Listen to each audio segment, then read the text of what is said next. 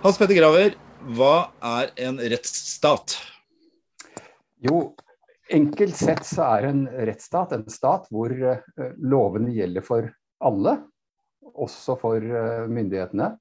Uh, og det vil si at styret er, må være basert på lov, og at det fins noen form for uavhengig kontroll med at myndighetene faktisk følger loven. Det er den enkle kjernen. Mm. Hans Petter Graver, professor i juss ved Universitetet i Oslo. Eh, preses for Vitenskapsakademiet. Og veldig mange andre ting. Forfatter av en mengde bøker og artikler og debattant og vært veldig aktiv det siste året. Og ja, og vi kunne sikkert fortsatt en stund. Men eh, plassert her. Um,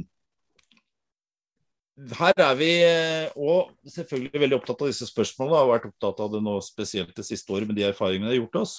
Det skal ikke bare skal ikke handle om korona, men det er et lite bakteppe, men mer teoretisk. fordi det er jo et sånt skjæringspunkt mellom Hvis vi begynner å forfølge noen av problemene mellom deler av filosofien og deler av jussen. Helt åpenbart. Mm. Og man havner jo fort tilbake i, i, i Hellas. Um, men la meg spørre om vi snakket om rettsstaten. Hva er forbindelsen mellom, altså koblingen mellom demokrati, som kommer fra det greske demos, folket, og at det skal styre, og rettsstat? Eh, kan de opptre uavhengig av hverandre? Ja, de, de, kan jo helt opplagt det. Altså, det er ikke noen nødvendig kobling. og mm. Det kommer litt an på hvordan man definerer det. Det er en tendens til uh, å definerer rettsstat og demokrati slik at det er nødvendige koblinger. Men det blir veldig normative uh, definisjoner, etter mitt syn. Ja. Uh, men vi har jo, hvis man ser historisk på det, mm. uh, og, og rendyrker elementene og, og, sier at demokrati er folkestyre, mm. og rettsstat er nettopp dette med at styret skjer på grunnlag av lover, mm. så vil vi jo se at man i forskjellige perioder av historien har hatt disse tingene uavhengig av hverandre. Mm. Og rettsstaten hos oss i moderne form Mm. Den har jo sitt utspring eh, med opplysningstiden og den mm. franske revolusjonen. Mm. Uh, og ble jo for så vidt innført i en del stater, bl.a. i Norge og Storbritannia mm. på 1800-tallet, før, lenge før den alminnelige stemmerett, og lenge før disse landene var demokratiske i vår forstand. Mm. Og vi går tilbake til Hellas, så kunne vi kanskje si at man hadde demokrati i én forstand, uh, men rettsstat? Nei, Det er jo en diskusjon eh, blant faghistorikerne. Eh, mm. Noen vil gå tilbake til Aristoteles og, og hans mm. diskusjon av eh, styre av lover eller styre av menn. Mm. Og si at uh, vuggen til rettsstaten ligger der i den diskusjonen. Uh, mens andre vil si at nei, det må noe mer til. Og at uh, det er maktdelingen egentlig som er det sentrale. Og erkjennelsen av at det fins fins bindende normer som står over den som styrer. Mm. Eh, og da må vi til eh, Europa på, mm. på 1100-tallet og, og, striden mellom keiseren og paven om mm. Eh, utnevning av biskoper, som jo førte til Canossa-gangen, og, og, og, som førte til et sånt uh, kompromiss om at uh, keiseren styrte de keiserlige anliggender, og kirken mm. styrte de kirkelige anliggender. Mm. Uh, men at det var et, at forholdet mellom dem Mm. Ble basert på, på, juridiske vurderinger, når ikke de grep til våpen. Da. Det gjorde de jo selvfølgelig ganske ofte. Ja. Men så slår det meg, hvis vi kunne si at i, i den greske antikken, i den grad de erfarte, la oss si Aten, da, uh, fra Sokrates til Platon et eller annet sted, at de hadde en demokrati med, med, liten grad eller ingen grad av rettsstat, kan man tenke seg det motsatte? Altså en rettsstat med liten grad eller ingen grad av uh, demokrati? Det spørs jo igjen hva du mener med demokrati.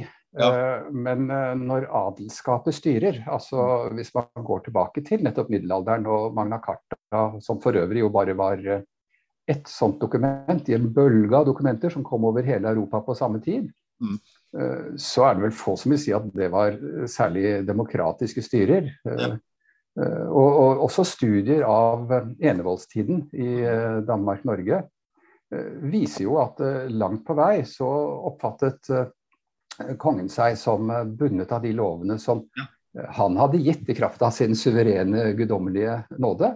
Men når de var gitt, Men når de var gitt så, så var de bindende. Og, kongen var også leder i navnet for overhoffretten og senere Høyesterett. Men, men, i gavnet så var det da et uavhengig ikke embetsstyret, men uh, altså for å løse rettslige konflikter. Her var, det lite, lite, her var det lite innslag av demos, for å si det sånt? Altså. Lite innslag av demos, ja. men, uh, men, ganske betydelig innslag av uh, rettsstat. Om vi går til mer moderne autoritære og la oss igjen totalitære, det er litt vanskeligere regimer, som, som vi kan da si at uh, lite eller intet innslag av demos i det hele tatt, men har de rettsstatselementer, altså ja, da, da, er du inne på, på en annen ja, du er inne på en litt annen. Altså, nazistene de, de, ville jo utvikle en uh, nasjonalsosialistisk rettsstat. Ja, ja. De, de, bygget jo mye av styret på, på loven og på rettslige ordninger. Mm. Men, men, de utviklet jo dette systemet som uh, Ernst Frenkel, en tysk uh, advokat og samfunnsviter, betegnet som dobbeltstaten. Mm. Altså hvor rettsstaten, eller under betegnelsen den normative staten, som han brukte, Mm. i og for seg fortsatte i vanlige former, mm. men, men, så utviklet det seg en uh, virkemiddelstat, eller en eksekutivstat, som uh, opererte ubundet av mm. den normative staten. Og dette var jo SS og utryddelsesleirene og alt dette. Så, så, så, der kan man jo si at om man vil si at det er en dobbeltstat, eller om det er lommer av rettsstat i et autoritært samfunn, det kan, jo, kan man selvfølgelig diskutere. Hvor viktig blir da maktfordelingsprinsippet da, når man skal snakke om, eh, om eh, en, eh, en rettsstat? I vår moderne forstand så snakker vi om maktens tredeling. Den lovgivende, utøvende og den dømmende makten. Og så har vi en uh, tillegg som ligger litt på lur, kanskje. Men... Ja, men den er ikke, det, det er ikke en konstitusjonell statsmakt. Nei, uh, så, så, da er man over i sosiologiske ja, ja, ja. definisjoner. Men Eksempelet uh, Tyskland viser jo at man ikke behøver en uavhengig lovgivende makt. Mm. Uh, altså Hitler han utnevnte seg, erklærte seg som den øverste lovgiver og som den øverste dommer. Uh, og det viste seg jo etter de lange knivers natt, ikke sant, hvor, hvor man utryddet ledelsen til SA i 1934. Mm. og hvor Hitler, etter at dette skjedde, utstedte en lov som uttalte at dette var en lovlig handling. Det, det er jo kan man si, eh, eh, toppen av antirettsstaten. Altså, det betyr jo at jevnt over så bør man jo være litt på vakt når noen tukler med maktfordelingsprinsippet. Uten å Absolutt, dra ja. sammenligninger for langt. Men uh, at, uh, at, hvis uh, utøvende ikke minst begynner med lovgivning Det er vel kanskje det, er det, det, man er mest redd for, er når, når utøvende begynner å enten dømme eller lage lover? Ja, jeg vet ikke. Altså, jeg vil vel heller si det slik at når den utøvende makten begynner å utøve sin myndighet mm. ubundet av eh, generelle regler og ubundet av kontroll, mm. og så kan jo det skje på forskjellige måter. Og, og, da har vi jo i vårt system, hvis vi skal snakke om vårt system, mm. så har vi jo den parlamentariske kontrollen mm. og domstolskontrollen mm. som med, med den utøvende myndighet. Mm. Eh, og eh, der ser man jo at eh, Jeg vil nok kanskje si at veldig ofte når ellers demokratiske eller ikke-autoritære samfunn utvikler seg til, til mm. autoritære samfunn, så, så, er det jo dels at de kupper lovgivningsmakten, men, men det kan de gjøre med demokratiske midler. Altså eh, ta f.eks. Uh, Eh, en del av disse landene på 20. Eh, århundre, hvor, under den kalde krigen, hvor man fikk pisket opp en stemning og i og for seg fikk befolkningen med på at her måtte det harde midler til. Uh, men, men, så er jo det farlig da at de ofte gir lover som gir dem myndighet ubundet av domstolene. F.eks. til å internere politiske motstandere mm. eller, eller foreta andre grep. Samtidig som de sier at domstolen ikke skal eh, blande seg opp i dette. Men Da er vi tilbake til eh, noe du nevnte som jeg synes er spennende nå, men historisk spennende, som bringer blikket langt tilbake. Og, og, det er jo om man får med folket på det. Du nevnte sånn, ikke sant? Og Da er vi litt tilbake til Platons uh, republikken, uh, altså, altså, eller statens uh, bok seks, hvor, hvor Sokrates er jo ikke spesielt glad i Han er, han er litt redd for demokratiet, for han mener at det perverteres veldig lett. Mm. Han bruker den analogien at hvis du vil ut og seile, hvem vil du egentlig skal føre båten? Er det de som kan noe om seiling, eller er det hvem som helst? Eller er det de du syns er populære? Eh, og da er vi jo helt over på nettopp den tanken altså og det finner jo hos Aristoteles også, at problemet med, med demokratiet er at det er ustabilt. Det perverteres eh, veldig lett. Det, det, det, kan Det imploderer rett og slett. Ikke sant? Altså den type spørsmål. Eh, og jeg tenker jo at uh, og Sokrates er ikke sånn at han nødvendigvis har et elitestyre. Man mener jo at det bør være folk som har greie på dette her, som skal stemme, og ikke hvem som helst andre. Og Det er jo litt interessant også i dag. Uh, krever dette her et, et, en skolert gruppe av stemmere for å få det til å funke på sikt, eller altså, ikke sant? altså, eller, eller hvis man da begynner å jobbe med sterke følelser, som vi også har gjort det nå, da, men det man har gjort tidligere i historien også, i hvilken grad greier folk å være med på å opprettholde det som skal til for å opprettholde demokrati? Det er jo nær sammenheng med utbygging av demokrati og den alminnelige stemmerett og uh, opplysningstanken og utdanningstanken hos ja. bl.a. Bentham og Mill og, og disse. ikke sant? At, uh, så, så, tanken om at befolkningen må være opplyst for at man skal få et godt styre. Den, eh, den, har vi jo fortsatt. Og, og sånn. Men problemet er vel kanskje at det var, det var lettere å finne eksperter på statsstyret i Sokrates tid enn det er i dag. Altså, det er jo ikke mm. et, eh, et fag som uh, veldig mange har. Noen uh, mener kanskje at de er bedre til uh, å styre en stat i et moderne samfunn enn andre. Mm. men det viser seg jo, erfaringen viser seg jo at det er, det er, veldig få som vet hvordan det skal gjøres, og, og som har ekspertise og kompetanse på det. Og da er vel kanskje argumentet for demokrati at jo flere innspill, jo flere som får innflytelse, jo flere, som, mm. uh, jo flere stemmer, jo større sjanse er det for at man treffer riktige avgjørelser. da. Platon hadde vel noen tanker med filosofer på toppen, og det var selvfølgelig besnærende. Men eh, ja. var, var Pol Pot også filosof, så, så det, det, man treffer ikke alltid. Eh, det, ja. ja. Jeg, Nei, jeg vet ikke om det er noen som har laget noen teori om jurister, men uh, både Lenin og Castro var jo jurister. så det er... men uh, Sokrates var jo ikke minst redd for, for demagogens. Altså hvordan, hvordan, det gir plass for, for demagogen, som, uh, som altså når folket opptrer som en, si, en flokk. altså Da har vi ganske en del moderne konformitetsstudier og sånt nå, ikke sant, som viser Jeg regner med at det var konformitet i antikken også, i og for seg. Eh, at det, det, det, åpner for demagogen eh, på en måte som gjør at demokratiet fort kan bare bli i navnet og et skinn. Og hva med ja. Er det et argument som fortsatt uh, har en viss gyldighet? Ja, det, det, har det jo. Det, det, er jo en fare. Men jeg syns også man da skal minne om Aristoteles' far. Mm. At her må man Eh, utdanne folk i eh, kunsten og uh, enhver anledning å gi en overbevisende argumentasjon. Mm. Og det er jo viktig ikke bare for å utdanne demagoger, mm. men det er jo også ikke minst viktig for å utdanne folk til å avsløre demagoger.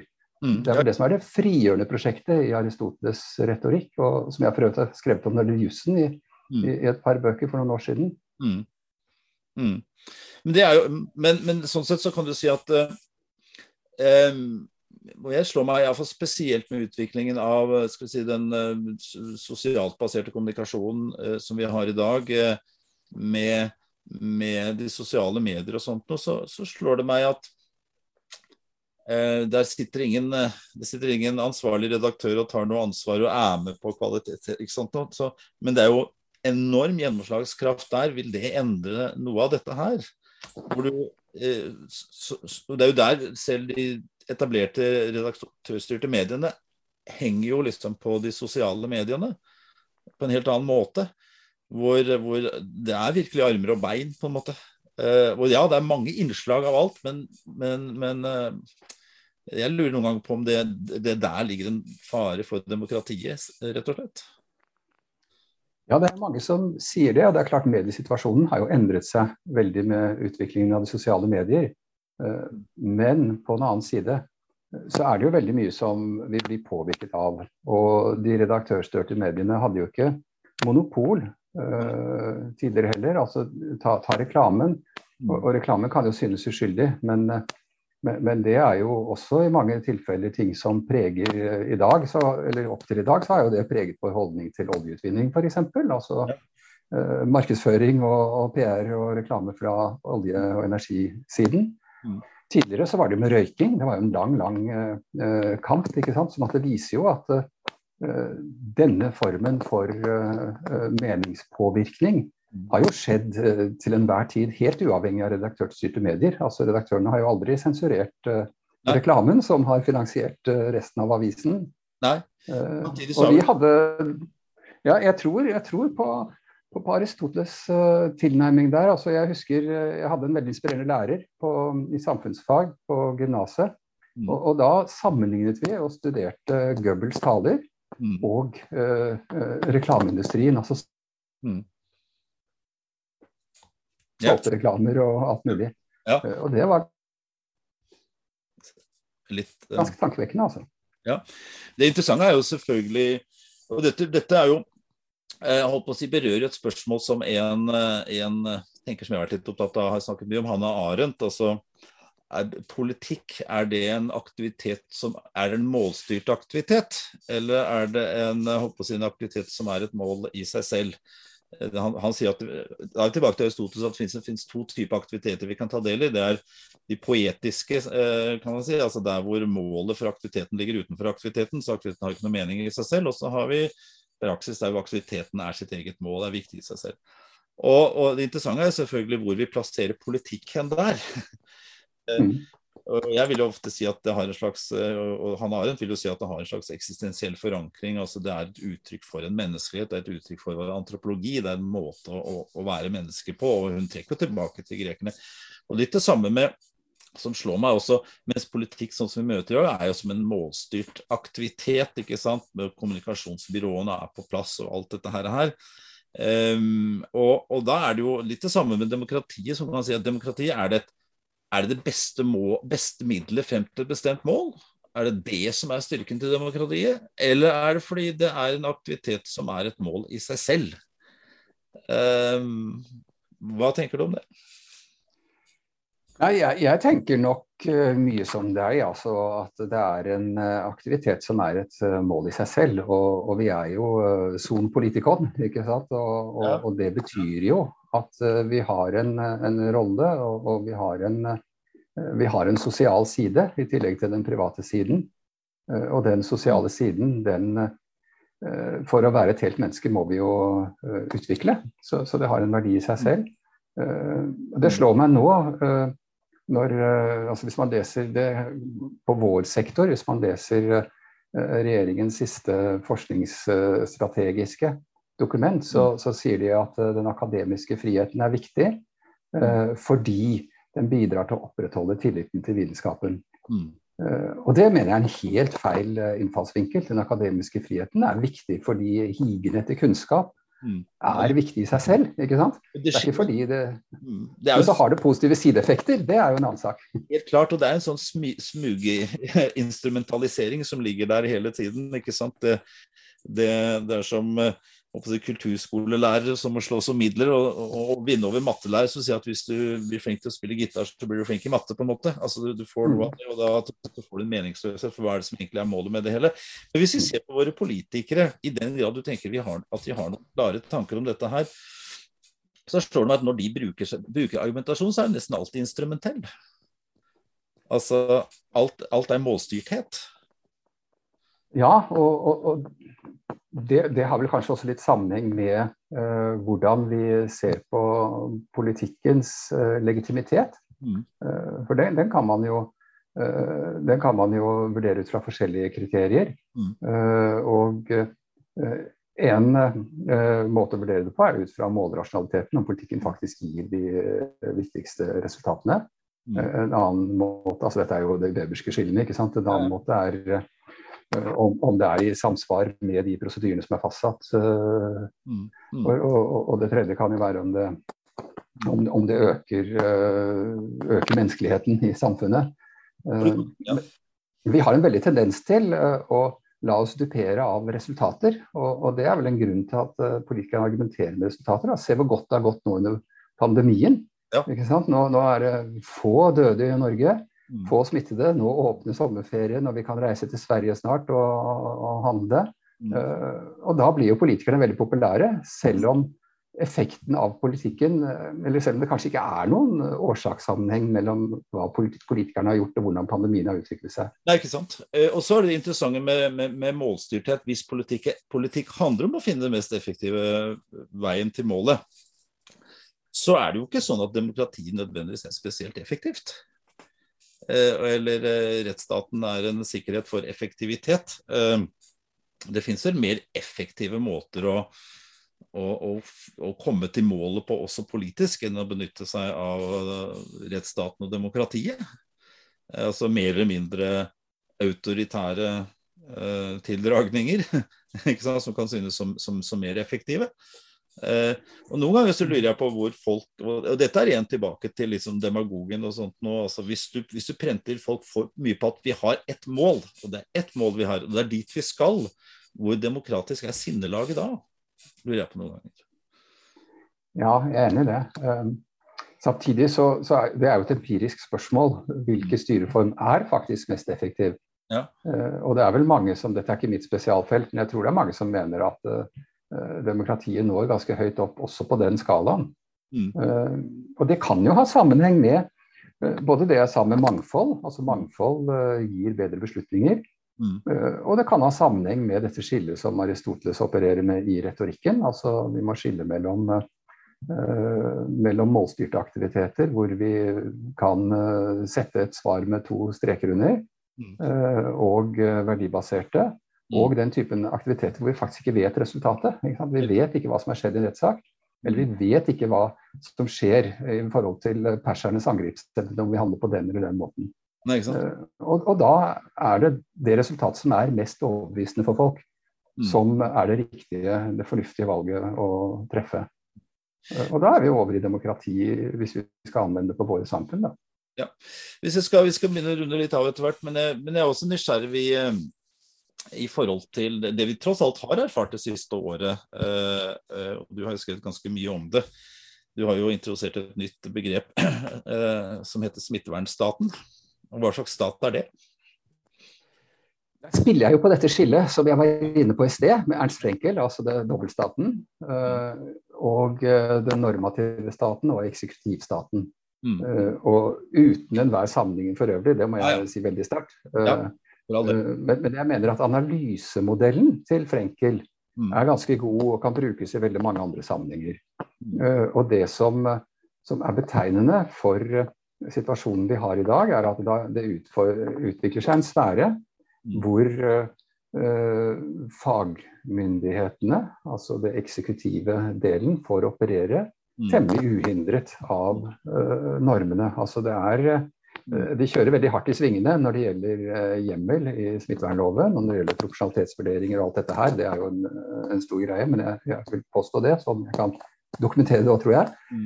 Eh, og det er eh, liten rettslig kontroll med det. Så, så det er jo ett element i eksekutivstaten. Mm. Og det andre elementet mm. det er at hvis det blir konflikt mellom eksekutivstaten og den normative staten, så er det eksekutivstaten som bestemmer sitt eget område. Ja, riktig. Ja. Altså, som definerer sitt eget område. Og det mener jeg vi ser tegn til nå, altså. Mm. At, uh, så, så, det er de to elementene som, eh, som, gjør at jeg Eller som jeg vil få frem da, med dette begrepet smittevernstaten. En økonom en gang som sa i forbindelse med det vi gjorde i fjor, at frem og tilbake er ikke like langt. Um, en ting er å gjøre de tingene vi har gjort. og hvordan, jeg, Vi hadde en diskusjon for en år siden hvor jeg sa at tåler våre man, man, har jo smakt litt på forbuden frukt. Eh, ikke sant? Eh, og Så kan man diskutere hvorvidt det var riktig, vi ta den diskusjonen, men, men allikevel så kan man si at man har gjort det. da. Det er, mm. man, maktfordelingsprinsippet. Man, man, man, den eksekutivstatanalysen tror jeg kanskje har noe for seg. Og så er spørsmålet eh, får man tannkremen tilbake i tuben. Ikke sant? Eller, eller, ja. eller, er det en erfaring her som det er vanskelig å egentlig legge fra seg? fordi i én forstand så kan den oppleves som effektiv og god og smake godt, og man får gjort noe. og Eh, og, og, verden, og, verden, forenkles på en måte. ikke sant? Det, det er dette. Ikke kompleks og alt mulig rart, men det er denne ene tingen, og her er alle enige om det, osv. Eh, er det bare å gå tilbake til den tradisjonelle måten å bedrive politikk og drive alt dette her på, eller, eller er det noe vi skal være oppmerksomme på rett og slett fremover?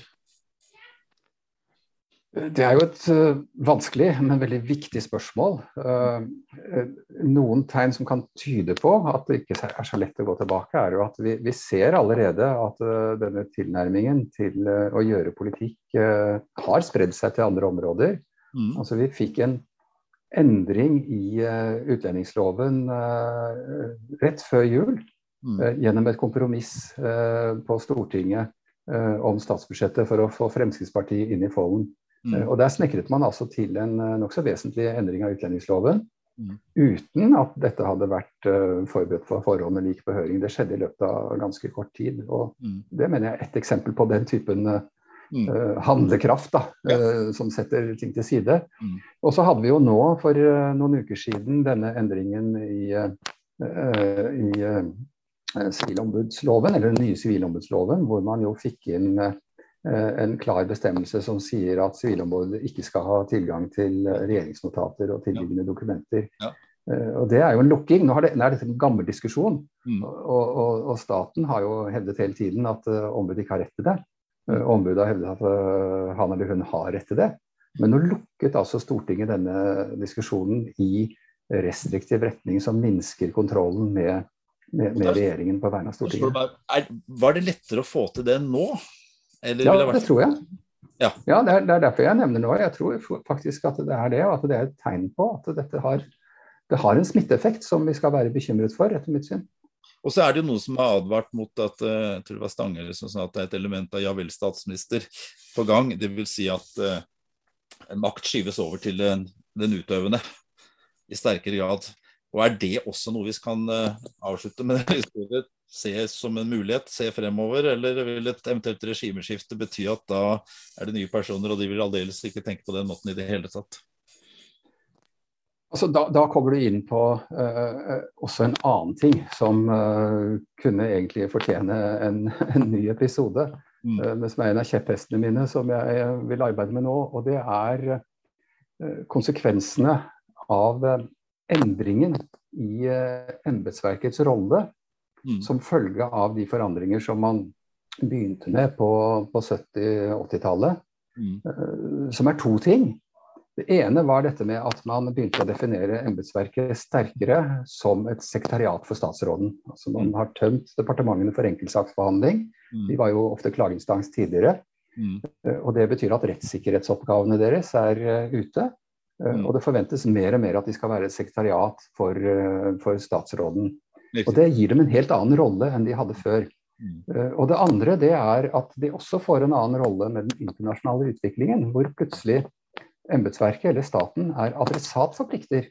Mm. Tidligere så var, jo, var, det jo de som skulle utøve uh, den politikken som var vedtatt av, uh, av, Stortinget, og som ofte hadde støtte i regjeringen. Mm. og da kunne de se det som sin oppgave å utføre dette på den mest rettssikre og korrekte måten.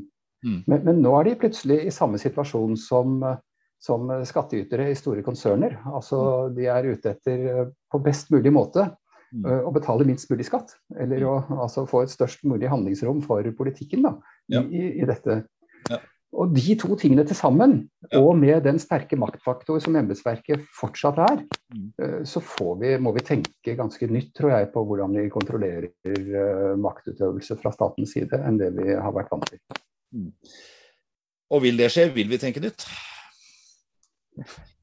Ja, det tror jeg. Fordi altså, jeg, dette har jo, så vidt jeg kan uh, se, ikke vært særlig fremme i den faglige eller politiske diskusjonen. Så jeg, jeg tror, ikke, tror, ikke, vi helt har begynt mm. å analysere uh, konsekvensene av de siste tiårenes utvikling. Mm. Uh, men jeg tror når vi begynner å gjøre det, så, så, tror jeg nok at, at vi kanskje også vil Eh, at vi vil innføre eh, andre typer av rammeverk da, som, som, som, kan eh, møte de utfordringene. Jeg er optimist, jeg. så jeg, det, det, er bra. jeg tror så lurer betydningen av å opprettholde et maktfordelingsprinsipp også, ikke sant? Altså, mm, ja, altså for, ja. makt er farlig. Makt korrumperer, og absolutt makt korrumperer absolutt. Og, og nasjonalitet er ingen, ingen god vaksinasjon mot det. Eh, jeg, like lite som jeg tror at norske eh, norske næringslivsfolk er mindre korrupte enn andre, og at norske idrettsutøvere doper seg mindre enn andre, så tror jeg heller ikke nødvendigvis norske politikere er mer beskyttet enn alle andre når det kommer til ukontrollert makt.